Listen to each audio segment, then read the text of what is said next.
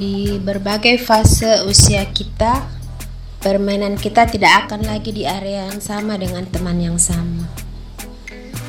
Setiap fase memiliki fase prioritas masing-masing. Pada fase menikah misalnya, jika kita lebih dulu masuk ke fase itu, mungkin kita akan merasa hidup di dunia yang berbeda dengan teman-teman kita sebelumnya.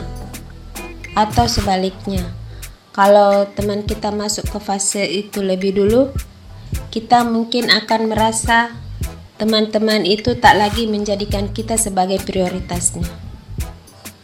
Sebab prioritas mereka telah berganti, yaitu pekerjaan dan keluarga.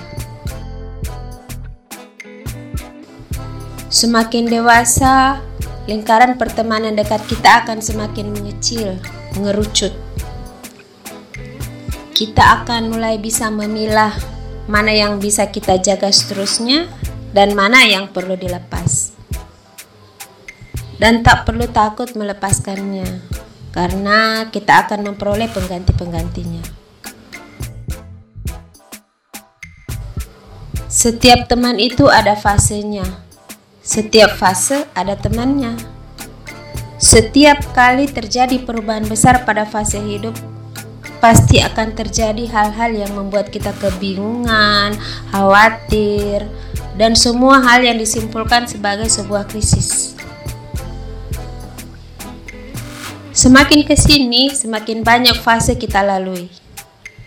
Kita akan semakin paham bahwa teman dekat dan berkualitas itu bukan tentang seberapa banyak, melainkan seberapa dalam.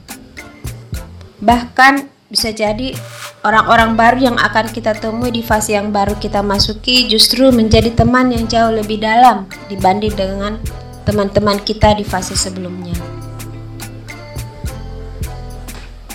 Ingatlah selalu, jangan menggenggam terlalu erat apa-apa yang seharusnya kita lepas. Karena teman yang sejati itu akan ada di setiap fase. Tidak peduli skala prioritas silih berganti nanti kita akan mendapati bahwa mereka selalu ada meski tak pernah jumpa, tak pernah berbagi kabar ataupun berbagi cerita. Tapi mereka selalu bisa memahami perubahan-perubahan fase yang kita hadapi. Sampai pada suatu titik pertemanan semakin luas dan berkembang tentu saja. Satu lagi,